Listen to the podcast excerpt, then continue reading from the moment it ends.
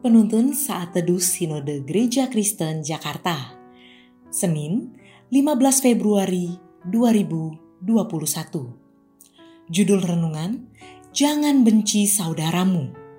Diambil dari Nats Kejadian 37 ayat 1 sampai 11. Yusuf dan saudara-saudaranya. Adapun Yakub, ia diam di negeri penumpangan ayahnya, yakni di tanah Kanaan.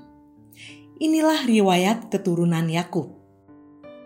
Yusuf tatkala berumur 17 tahun, jadi masih muda, biasa menggembalakan kambing domba bersama-sama dengan saudara-saudaranya, anak-anak Bilha dan Zilpa, kedua istri ayahnya.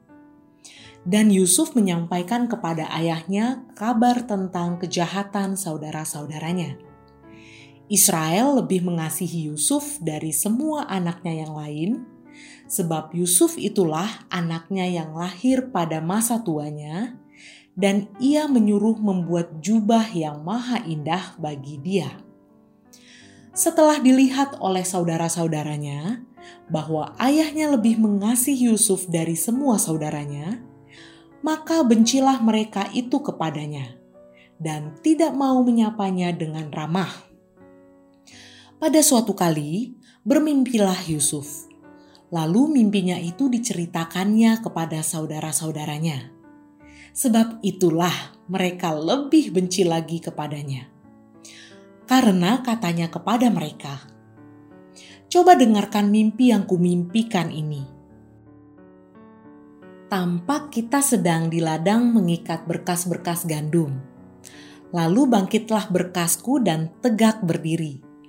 Kemudian datanglah berkas-berkas kamu sekalian mengelilingi dan sujud menyembah kepada berkasku itu. Lalu saudara-saudaranya berkata kepada mereka, "Apakah engkau ingin menjadi raja atas kami? Apakah engkau ingin berkuasa atas kami?" Jadi makin bencilah mereka kepadanya karena mimpi dan karena perkataannya itu.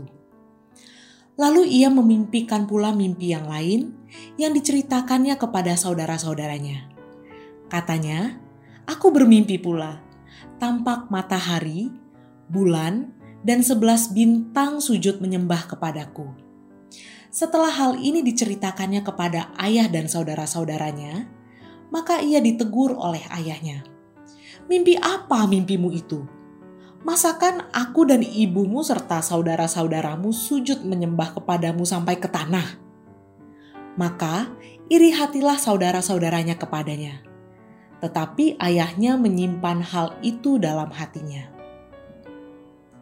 Suatu ketika, saya terkejut mendengar teriakan seorang anak remaja minta tolong karena dikejar oleh saudara kandungnya sendiri.